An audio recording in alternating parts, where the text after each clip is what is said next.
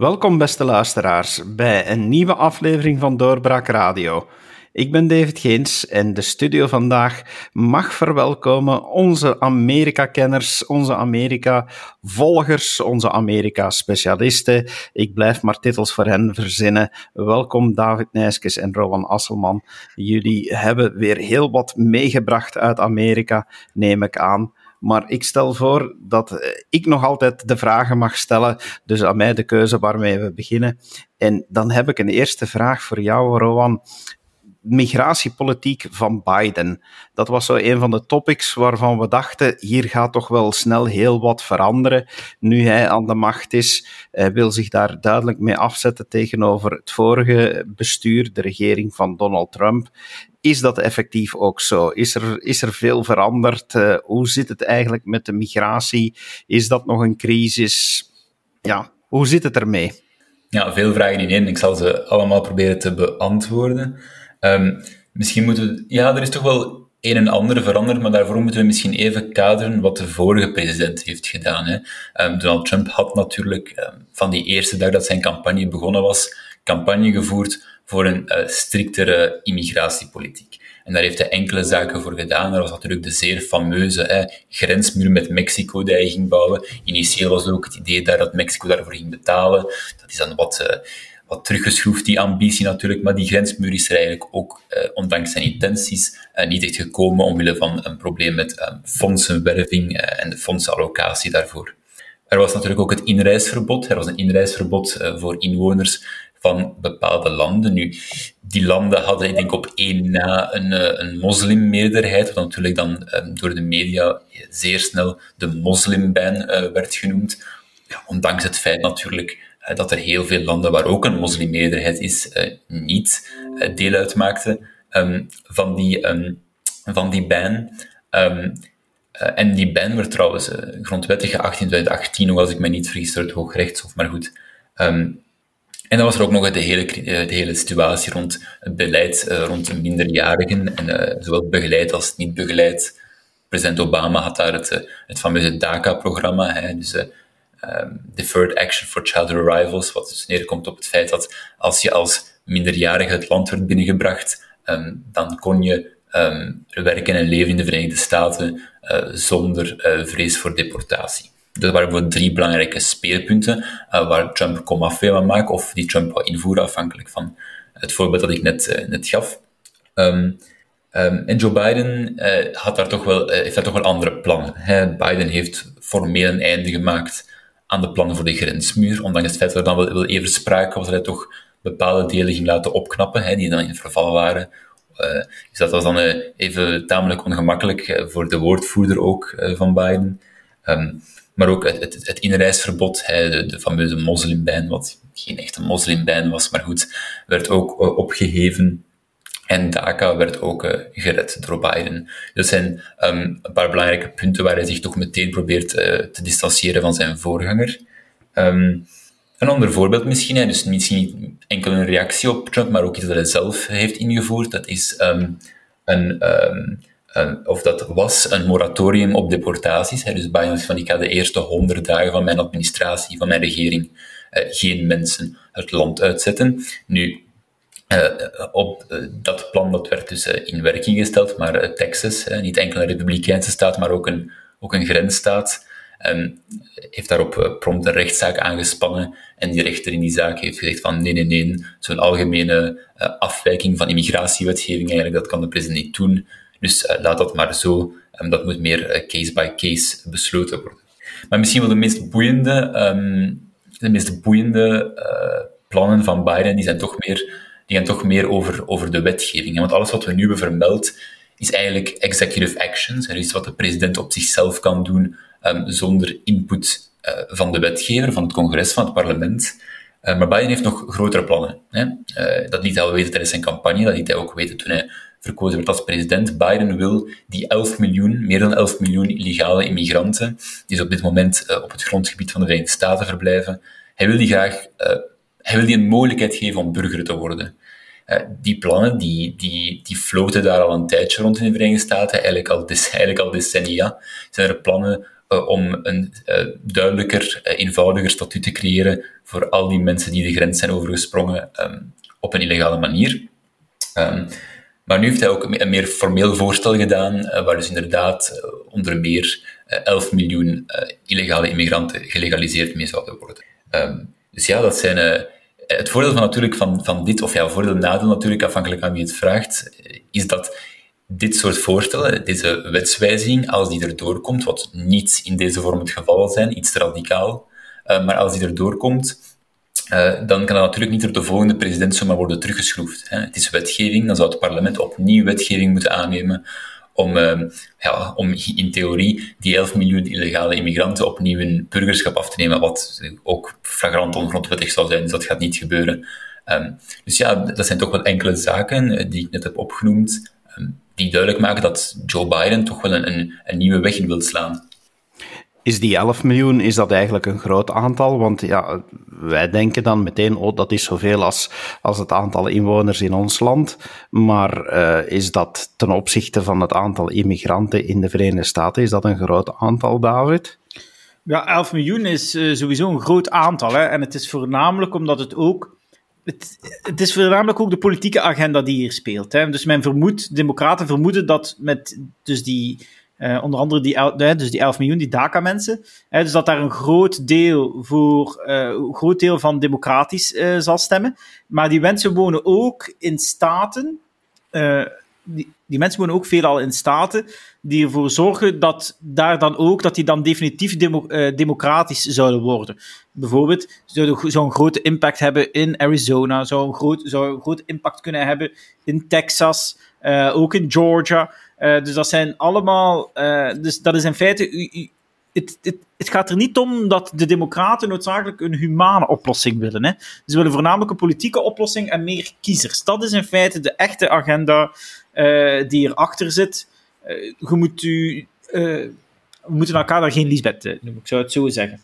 Um, nog één dingje misschien, nog, of nog enkele zaken toevoegen bij wat Rowan zegt. Hè. Dus het heeft ook al veel te maken. Dus, we hebben dus de crisis die we vandaag zien aan de grens met Mexico. Hè. Dus, want we hebben, dus herinner u de kooien van Obama, die ook opnieuw gebruikt werden door Trump enkele jaar geleden, maar die onder Trump zeer breed in de media aanwezig geweest zijn. De situatie is vandaag veel erger aan de grens, uh, daar met Mexico. Hè. Dus Biden heeft door zijn retoriek en ook vicepresident Harris, die er wordt al eens gefluisterd dat zij de echte president is. Ze is er ook altijd bij. Ze staat ook bijna altijd achter hem als hij een toespraak gaat houden. Um, die hebben ook heel veel signalen gestuurd tijdens die campagne. En tijdens die campagne hebben die veel signalen gestuurd. Hè. Het is zelfs zo dat een PBS-reporter, zeer objectief, dat is de Public Broadcasting Service, dat is een beetje de VRT, maar dan iets minder populair, die heeft zeer objectief de vraag gesteld over, ja meneer Biden, maar u wou toch een humaner, u stond toch voor een humaner asielbeleid. dus uh, terwijl dat wat we zien vandaag aan de grensmuur, niet de grensmuur, maar wat we nu zien aan de grens is niet humaan. Die mensen zitten daar opnieuw in kooien. We zitten met een coronasituatie. Ook in de Verenigde Staten met varianten en dergelijke meer. Dus het is nu in feite zeer imperatief dat men die grens goed gaat bewaken, dat men kijkt wie er binnenkomt. En we merken dat democraten in San Diego bijvoorbeeld, hè, Californië, we hebben het er vorige week over gehad, waar de vakbonden de scholen willen gesloten houden. Wel, het is zo dat de leerkrachten wel aan uh, illegaal immigranten uh, in person uh, lesgeven. Um, daarnaast het is zo, ja, de verantwoordelijke voor het probleem aan de grens is vicepresident Harris. Ze is 31 dagen geleden is ze verantwoordelijk gesteld voor het grensprobleem. Zij ging het oplossen. Hè? Dus herinner u toen Donald Trump Mike Pence verantwoordelijk uh, maakte voor Operation Warp Speed. Operation Warp Speed, die er vandaag voor zorgt dat er zoveel vaccins zijn en dergelijke meer. Wel, Mike Pence is direct aan de slag gegaan. Wat zien we bij Harris? Harris is in die 31 dagen nog niet naar de grens geweest om de situatie te gaan bekijken. Ze heeft ook nog geen persconferenties uh, erover gehouden en dergelijke meer. Het is net alsof dat ze zeer goed, zich zeer goed bewust is van het feit dat dat dat een dossier is waar ze enkel op kan verliezen. Dus laat ze de situatie, laat men maar aanmodderen.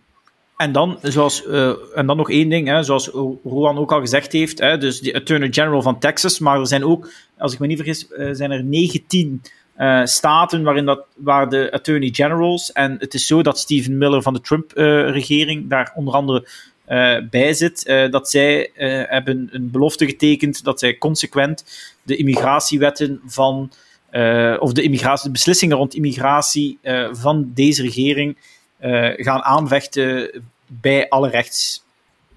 en dat zij alle rechtsmiddelen gaan, gaan uitputten om ervoor te zorgen dat dus de immigratiewet wordt toegepast. Ik pik er iets uit wat mij ook opvalt in, in uw betoog. Dat is met name dat je daar zegt, ja, de vice-president staat, staat overal bij. Er wordt hier en daar ook al fluisterend gezegd dat zij de echte president is. Is dat effectief zo? Is dit nu een vice-president die heel zwaar weegt op het beleid? Het lijkt er, het heeft er in elk geval alle schijn van dus het is zo dat Joe Biden heeft campagne gevoerd als de zogenaamde gematigde democraat. we hebben hier, daar toen al uh, relatief schampere opmerkingen over gemaakt. We hebben toen ook al gezegd in de aanloop naar die verkiezing dat uh, toen we besproken over, uh, over vicepresident Harris, nu huidig vicepresident Harris, dat zij zeer radicaal is. Hè. Zij is zeer links-radicaal. Uh, zij is afkomstig uit Californië, uh, waar zij als heel vreemd als minister van Justitie wel een, een, heel streng beleid gevoerd heeft op verschillende zaken. Maar goed, hè, zij, is heel, zij is heel radicaal en het lijkt toch het lijkt erop dat nou, veel mensen, hè, er wordt gefluisterd dat, dat Biden in feite de agenda die Obama beloofd had, maar niet heeft uitgevoerd, dat Biden uh, die, uh, die agenda, die heel progressieve agenda, nu uh, volop zal uitvoeren. En dat hij dus dan de geschiedenis zou kunnen ingaan als, ja, je hebt de charismatische Obama met een heel links, met een heel links profiel, maar die uiteindelijk, zeker in vergelijking met wat we vandaag zien, hè, zeker in vergelijking met wat we vandaag zien, zou je nog kunnen zeggen, waarvan kijk, in, in, bij Obama viel het nog mee, uh, werd er nog aan de andere kant van het politieke spectrum gedacht.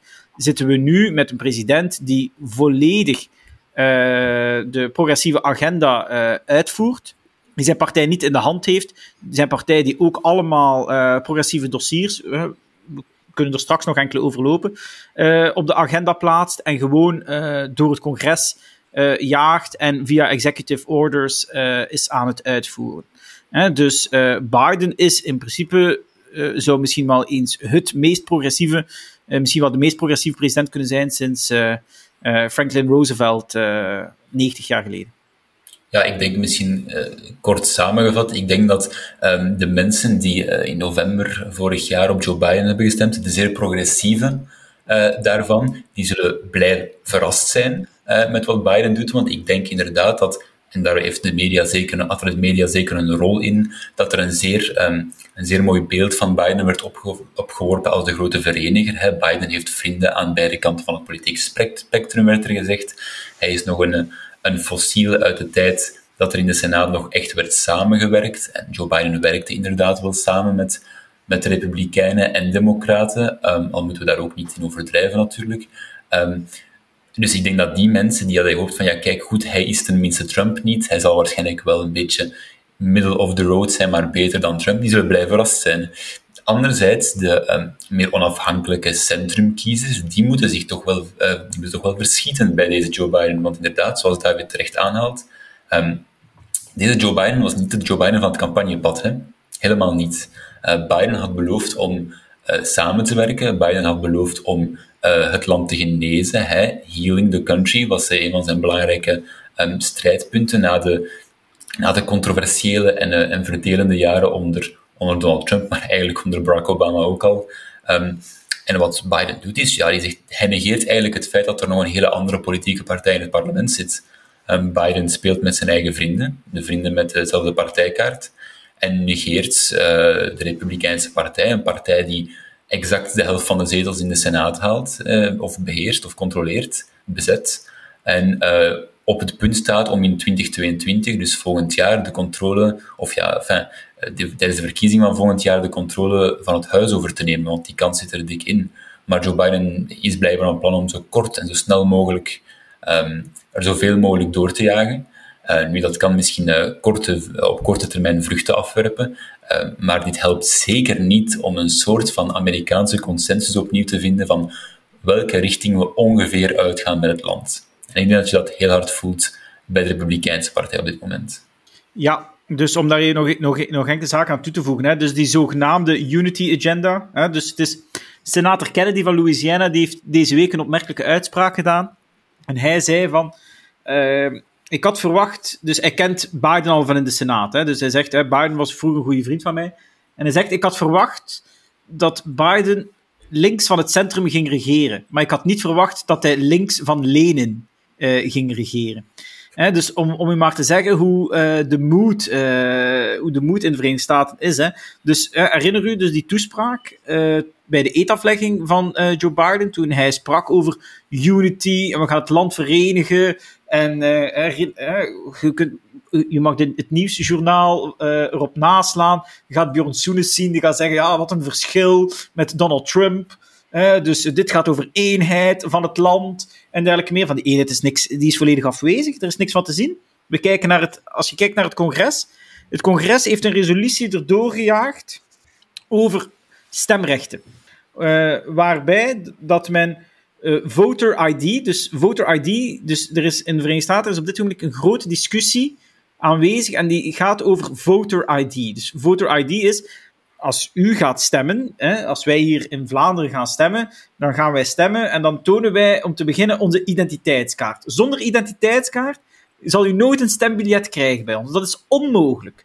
In de Verenigde Staten zijn het democraten die zeggen van uh, nee, nee, nee, nee, wij zijn tegen, uh, wij zijn tegen uh, verplicht voter ID, want dat is zogenaamd discriminatoire. Hè, omdat blijkbaar hun redenering is dat dan minderheden, en dan hebben ze het voornamelijk over zwarte Amerikanen, zij zouden minder identiteitskaarten hebben dan, uh, dan blanke mensen ja, goed, maar dat lijkt, dat is, lijkt mij zeer vreemd. Dat, dat is precies alsof zwarte mensen dan te dom zouden zijn om een identiteitskaart uh, te, kunnen, uh, te kunnen krijgen. Ik weet het niet in elk geval. Maar het is zo dat zelf voter ID bij zwarte Amerikanen, 70% van de zwarte Amerikanen staat achter het concept van voter ID. We hebben nu in Georgia, uh, herinner u, er waren heel veel problemen. rondom met de presidentsverkiezingen in Georgia. Het is daar heel nip. Het is echt een 50-50 state. Eh, geworden. er is heel veel om te doen. Eh, daar hebben ze een nieuwe wet doorgevoerd dat voter ID verplicht. en wat zien we dan? We zien heel veel bedrijven. We zien heel veel bedrijven uh, die, want ja, dus de, woke, de wokeness zit voornamelijk, zit heel veel in de boardroom. Hè? Zit heel veel in de boardroom van bedrijven die gezegd hebben dat ze willen boycotten, Georgia willen boycotten. We hebben in Georgia heeft twee zeer grote bedrijven, het vliegtuigmaatschappij Delta en Coca-Cola uit Atlanta, die uh, publiek stelling ingenomen hebben uh, tegen deze wet. Terwijl dat, omdat ze zeggen van, ja, deze wet zorgt ervoor dat mensen minder kunnen gaan stemmen. Het tegendeel is waar, hè. als je de wet bekijkt, doen ze net een uitbreiding van openingsuren, een uitbreiding van uh, stemlocaties en dergelijke meer om te kunnen stemmen. Uh, Major League Baseball had zijn finale gepland uh, in Atlanta. Atlanta is een stad die, waar heel veel Afro-Amerikanen wonen. Heel veel Afro-Amerikanen. Brengt heel veel geld met zich mee als, als zo'n Major League Baseball finale in uw stad zit. alle cafés profiteren daarvan en dergelijke meer. Dat is, echt, dat is echt een groot feest van enkele dagen en dergelijke meer. Ze gaan dat nu naar Denver verplaatsen een stad die veel blanker is dan Atlanta. En, en de reden is omdat ze zeggen, ja, de minderheden, uh, uh, wij zijn pro-minderheden en dergelijke meer. Uh, ook zeer belangrijk is wat er, er zijn nog twee dossiers, nee, er zijn nog drie dossiers die ik nog uh, eventjes snel ook nog wil behandelen. Dat is um, om van Washington DC een staat te maken. dus de Democraten willen al heel lang van Washington DC een staat maken. Dus het is zo dat Washington de mensen die in Washington wonen zijn in principe niet vertegenwoordigd in het congres. ze hebben drie uh, congresleden zonder stemrecht. En, maar ze hebben geen twee senatoren. Je moet weten, in Washington, democraten halen daar... Uh, de ene keer is het 93%, de andere keer is het 95% van de stemmen. Dus het is zo, dat zou ervoor zorgen, als, als Washington DC in staat zou worden, dat er twee extra senatoren zouden bijkomen voor de democraten. Um, maar daarnaast is het, is het waarschijnlijk ongrondwettelijk. Hè? Dus, uh, maar goed. Uh, we hebben ook de, de filibuster die men wil afschaffen. Hè? De filibuster is in feite, uh, ik ga je de details besparen, maar is in 1806 van kracht geworden. Um, Democraten willen die nu afschaffen. Hè? Dus de filibuster zorgt ervoor dat 60, 40, dat je 60 stemmen hebt om een, om een wet aan te nemen in de Senaat. Uh, Democraten willen die nu afschaffen, want ze hebben nipte meerderheid van uh, enkele zetels in het huis. En, ze hebben, en het is 50-50 in de Senaat met de breaking uh, tie vote voor vicepresident Harris. Ze willen die afschaffen. Het zijn twee democraten die dat daar op dit ogenblik tegenhouden. Joe Manchin en Kristen Sinema van Arizona. dan en dan het, nog een ander belangrijk dossier. Rowan heeft er een zeer interessant en goed artikel over geschreven dat is over extra oprechters in het, in, in, in het gerechtshof. Zogenaamd pack the court. Wat wat Joe Biden gezegd tijdens uh, zijn campagne? Dat gaan we niet doen. We gaan geen extra oprechters.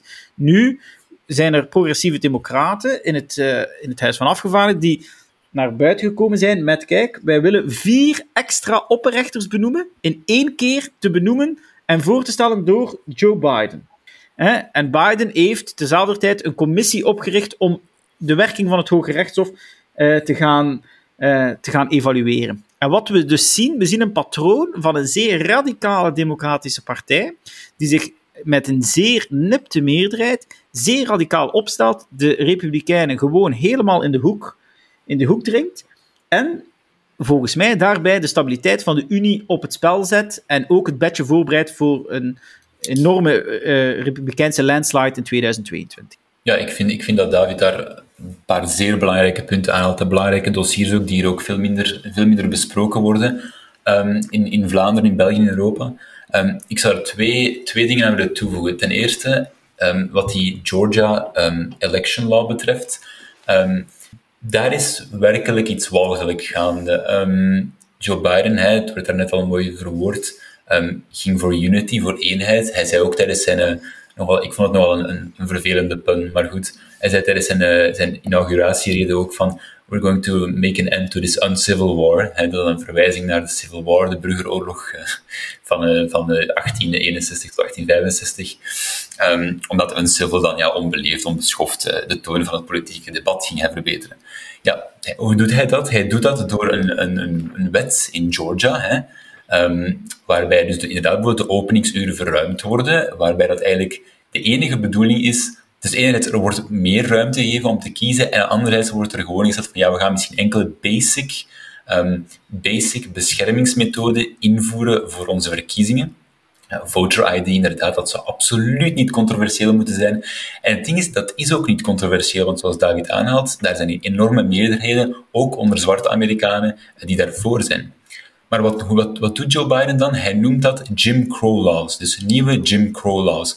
Jim Crow, wat is dat eigenlijk? Dat was wetgeving uh, aan het einde um, van, de, van de 19e eeuw, begin 20e eeuw, um, die in zuidelijke staten, of zuidelijke staten werd aangenomen, um, waarmee dat eigenlijk segregatie, raciale segregatie, the law of the land werd. Dus het werd verplicht om, zeker in publieke plaatsen, eh, blanke en zwarte Amerikanen gescheiden te houden. Het is echt walgelijk racisme natuurlijk. En ook uh, werd er in één beweging ervoor gezorgd dat zwarte Amerikanen ook um, zo min mogelijk naar de stembus trokken. He, dat gebeurde dat dus via, via stemtesten, uh, via kiesbelastingen, via eigendomsvereisten, maar ook gewoon via pure, puur geweld, he, intimidatietactieken, intimidatietechnieken om zwarte Amerikanen van een stembus te houden.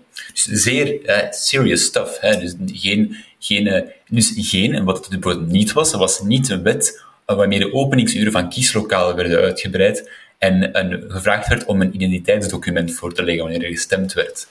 Maar Joe Biden, die gaat dus doodleuk, hè, alle parlementsleden in Georgia, de gouverneur van Georgia, ook een republikein, even dodelijk uitmaken voor Jim Crow-racisten. Eigenlijk voor, ehm, voor sympathizers met het, met het oude zuiden, hè, met de confederatie, met de pro-slavernij-rebellie van de Verenigde Staten.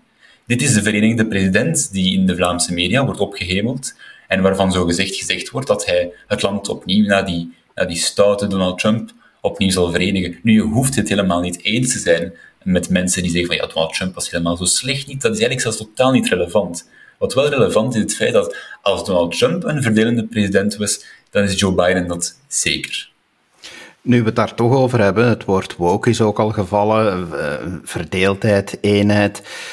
We zitten natuurlijk met het feit dat net deze week eh, alle ogen gericht waren op het George Floyd-proces zonder daar, daar nu per se bij dat proces zelf te blijven stilstaan. Want daar zijn van jullie ook al uh, interessante artikels verschenen en, en, zullen waarschijnlijk nog verschijnen op doorbraak. Maar zie je in de reacties op dat proces, zie je daar ook stukken van die verdeeldheid? Is, is dat wat, wat Amerika nu, nu kenmerkt, dat de reacties daarop, ook in andere staten, dat, dat men, dat men ziet van ja, die verdeeldheid die, die gaat altijd maar verder en verder. En president Biden lukt er echt niet in om, om naar eenheid te streven.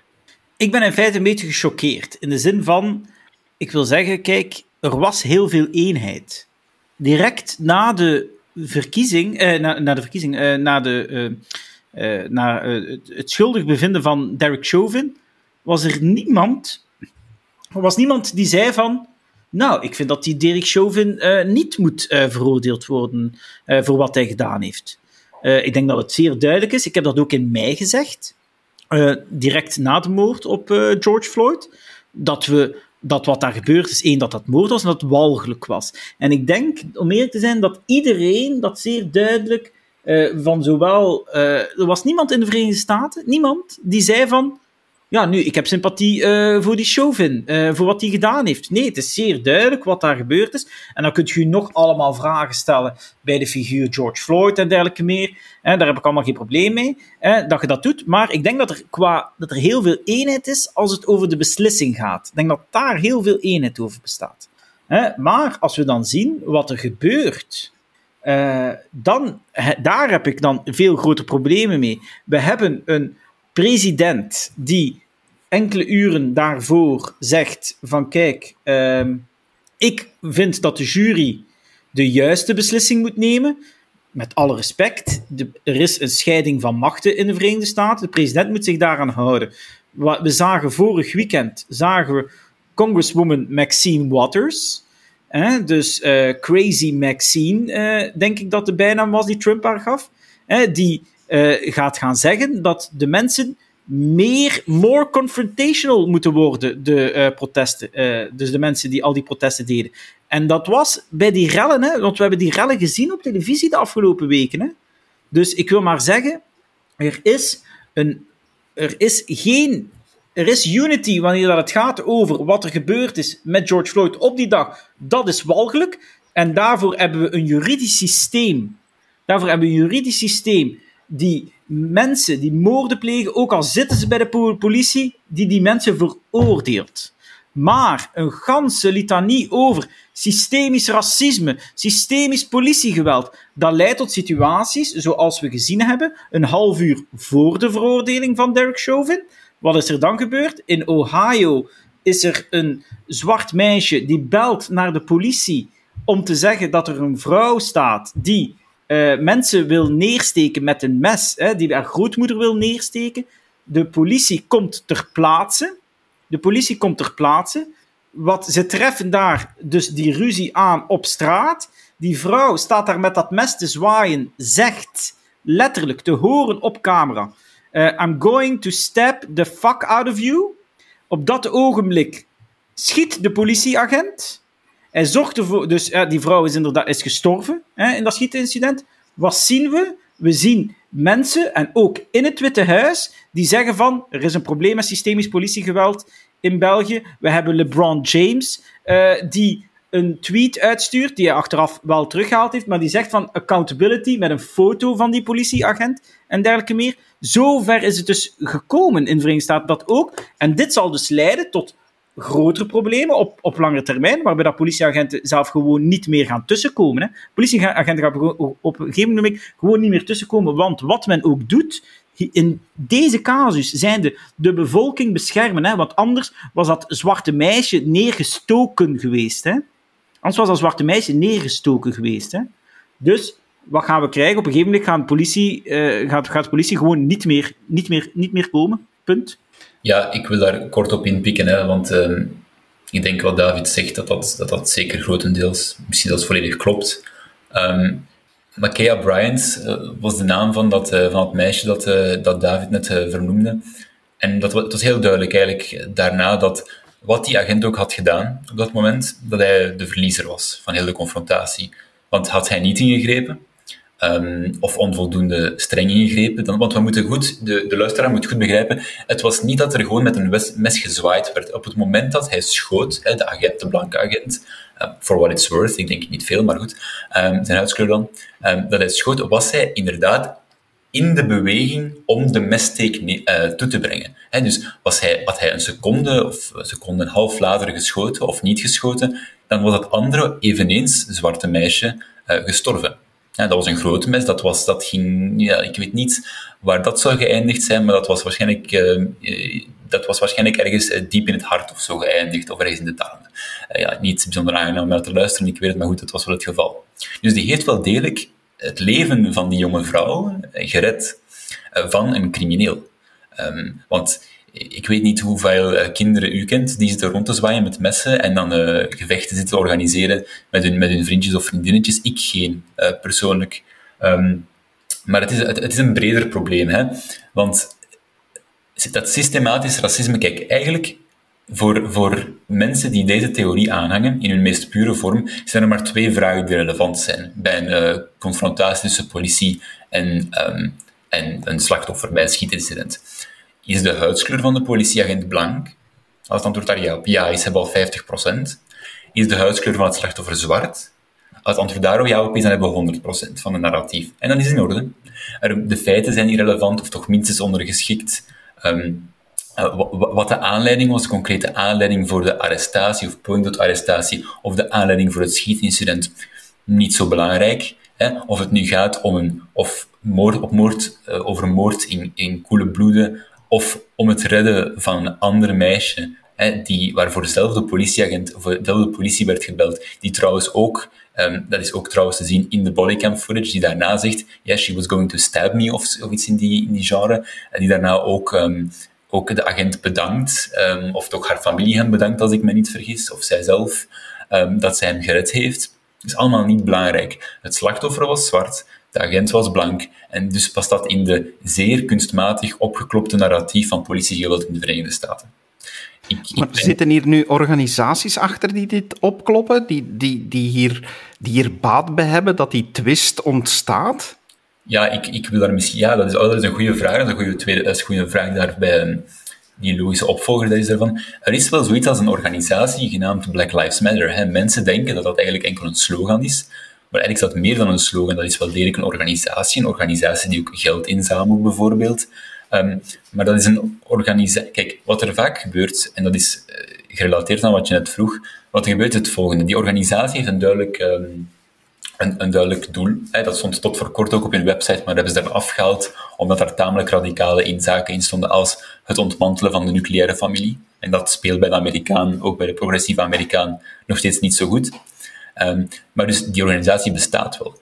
Maar eigenlijk, wat er dan gebeurt is, kijk, wanneer ah, conservatieven, maar eigenlijk gewoon iedereen die het niet eens is uh, met, met die agenda van systematisch racisme, um, racistische, uh, racistische politiediensten, uh, die zeggen van, ja kijk, ik ben het niet eens met Black Lives Matter. Wat er dan wordt is, ah, wat bedoelt u, vindt u niet dat zwarte levens belangrijk zijn? Het antwoord is natuurlijk, ja, natuurlijk vinden wij dat zwarte levens belangrijk zijn. Ieder leven is belangrijk. Hè? Dat mag dan niet gezegd worden, maar dan ga je eh, ondergraven, dan ga je de agenda van, um, van Black Lives Matter ondergraven. Dat is wat men in het Engels een Mott en Bailey argument noemt. Hè? Dus wat er gebeurt is, er wordt, er wordt een zeer moeilijk te verdedigen stelling ingenomen. En dat is dan, uh, moet je denken, de Bailey zeker, de buitenring van een fort.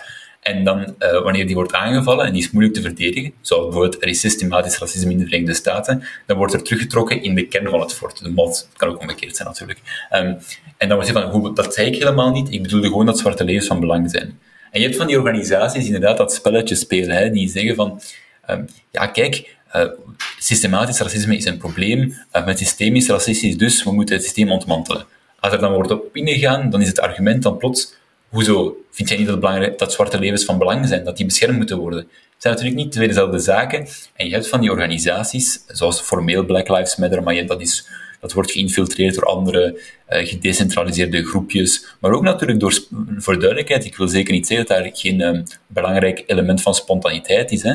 Maar anderzijds moeten we ook niet, uh, moeten we ook niet um, onszelf voor de gek houden door te zeggen dat het allemaal spontane grassroots events zijn. Je hebt mensen die zich daar semi-professioneel mee bezighouden. Um, om zomaar iemand te, te, vermelden, dat is iemand die, uh, die veel mensen uh, die de Amerikaanse politiek volgen kennen. Dat is Al Sharpton bijvoorbeeld.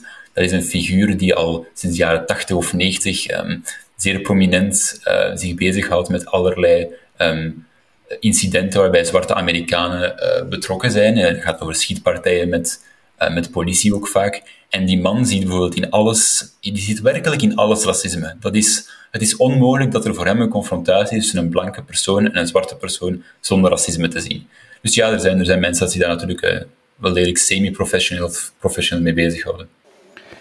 Als we nu naar Amerika kijken, dan moeten we ons ook nog altijd beseffen dat Amerika een van de wereldleiders is. Sommigen zullen wel discussiëren dat ze hun positie langzaam verliezen, maar het blijft wel een feit dat wat, uh, wat de Verenigde Staten doet, dat dat effecten heeft ook hier in Europa. En de Verenigde Staten hebben nu ook wel beslissingen genomen, of toch president Biden wil, uh, wil dingen gaan veranderen met de troepen in Afghanistan. Dat heeft ook gevolgen uiteindelijk hier voor de NAVO, als ik het goed begrepen heb. Uh, kunnen jullie misschien even toelichten wat, wat, wat er verandert in de Afghanistan-politiek van, van Biden? Maar het is niet zo dat er heel veel veranderd is. In de zin van, dus Donald Trump had beslist om weg te gaan. Donald Trump had beslist om weg te gaan. Uh, in principe was, het, uh, was de datum 1 mei, dus volgende week. Dus uh, volgende week is in principe de dag dat de troepen zouden definitief teruggetrokken geweest zijn. Biden heeft dat nu uitgesteld naar 11, naar 11 september. Trump heeft daar zelf over gezegd dat hij dat een foute beslissing vindt. dat hij dat een één, een spijtige dag vindt, omwille van het feit dat hij vindt dat 11 september omwille van andere redenen uh, moet uh, bekend blijven en niet noodzakelijk als de dag waarop de troepen in Afghanistan terug, uit Afghanistan teruggetrokken worden. De NAVO-troepen gaan terug. Het is een, het is een échec na 20 jaar. na 20 jaar nationbuilding komen we tot de constatatie dat men in Afghanistan al uh, honderden jaren vecht uh, onderling en dat dat waarschijnlijk uh, nog wel honderden jaren zal verder duren. Hè. Dus er is geen oplossing vanuit het Westen mogelijk voor Afghanistan. Ik denk dat dat in feite de grote, de grote les is die we moeten leren uit Afghanistan. Um, nog een korte, korte toevoeging. herinner u het... Ehm, herinner u het bericht dat verscheen midden dit jaar over de Russische de Russische, um, dat Rusland geld gaf aan mensen van de Taliban om Amerikaanse soldaten uh, neer te schieten. Uh, dat was een bericht dat in de New York Times en dergelijke meer verscheen. Ehm, dit bericht wordt nu volop ontkracht door de Amerikaanse inlichtingendienst. Die zeggen: kijk, dat bericht dat toen verschenen is, is niet waar. Het was dus een zuiver gepland bericht van de media om Donald Trump, uh, en het was om Donald Trump uh, te treffen. Omdat hij dan, zogezegd, in de reactie niet hard genoeg zou zijn uh, voor Rusland. ik wil dat gewoon nog eventjes vermelden, want ik denk dat dat belangrijk is dat we dat meegeven aan de luisteraar. Nu trouwens, de, de, naam Trump valt als laatste vraag dan van deze podcast. Horen we nog iets van Donald Trump? Of ja, begint hij begint zijn, zijn hoofd terug boven water te steken? Wel, uh, Trump is volop bezig met interviews uh, te geven. Uh, volop bezig is veel gezegd. Hij heeft dus een, vorig weekend heeft hij een interview gegeven aan Sean Hannity. Sean Hannity die op dit ogenblik het tijdslot tussen 9 en 10 uur bezet op Fox News. heeft, dat interview is uitgezonden maandagavond, afgelopen maandagavond en ook gisterenavond, op vrijdagavond.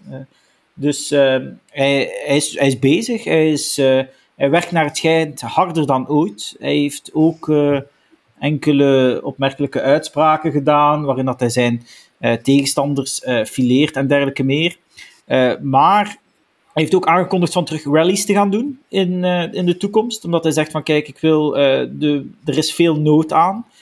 Blijkbaar. hij krijgt heel veel vragen van republikeinen naar hem. Hij heeft zich nog niet uitgesproken over 2024. Hij heeft wel gezegd dat in 2022 dat hij daar geweldig actief zal zijn. Ik nog één dingetje toevoegen. Um, we hebben in de vorige podcast gesproken over gouverneur DeSantis van Florida. Gouverneur DeSantis in Florida is zeer veel in de media op dit ogenblik in de Verenigde Staten, met één geslaagd coronabeleid in de Verenigde Staten, in uh, Florida, en met een zeer harde aanpak ook van mogelijke rellen en dergelijke meer rond de protesten van de afgelopen weken die we gezien hebben. Dus uh, DeSantis, zoals Rowan ook zei vorige week, volop aanwezig. Uh, als Trump het niet doet, zal het DeSantis zijn. Dan zullen we dat verder in de gaten moeten houden, maar dat zullen we uiteraard doen in deze podcast samen met jullie. Dankjewel Rowan Asselman, David Nijskes voor jullie analyse. En ik kijk alweer uit naar een volgende keer dat we kunnen bijleren over de Amerikaanse politiek. Graag gedaan. Dag David. En u beste luisteraar, dank u wel dat u geluisterd hebt en graag tot de volgende keer. Dag. Dit was een episode van Doorbraak Radio de podcast van doorbraak.be. Volg onze podcast op doorbraak.be/slash radio of via Apple Podcasts, Overcast of Spotify. Bezoek ook onze website op doorbraak.be en steun ons door een vriend te worden van Doorbraak.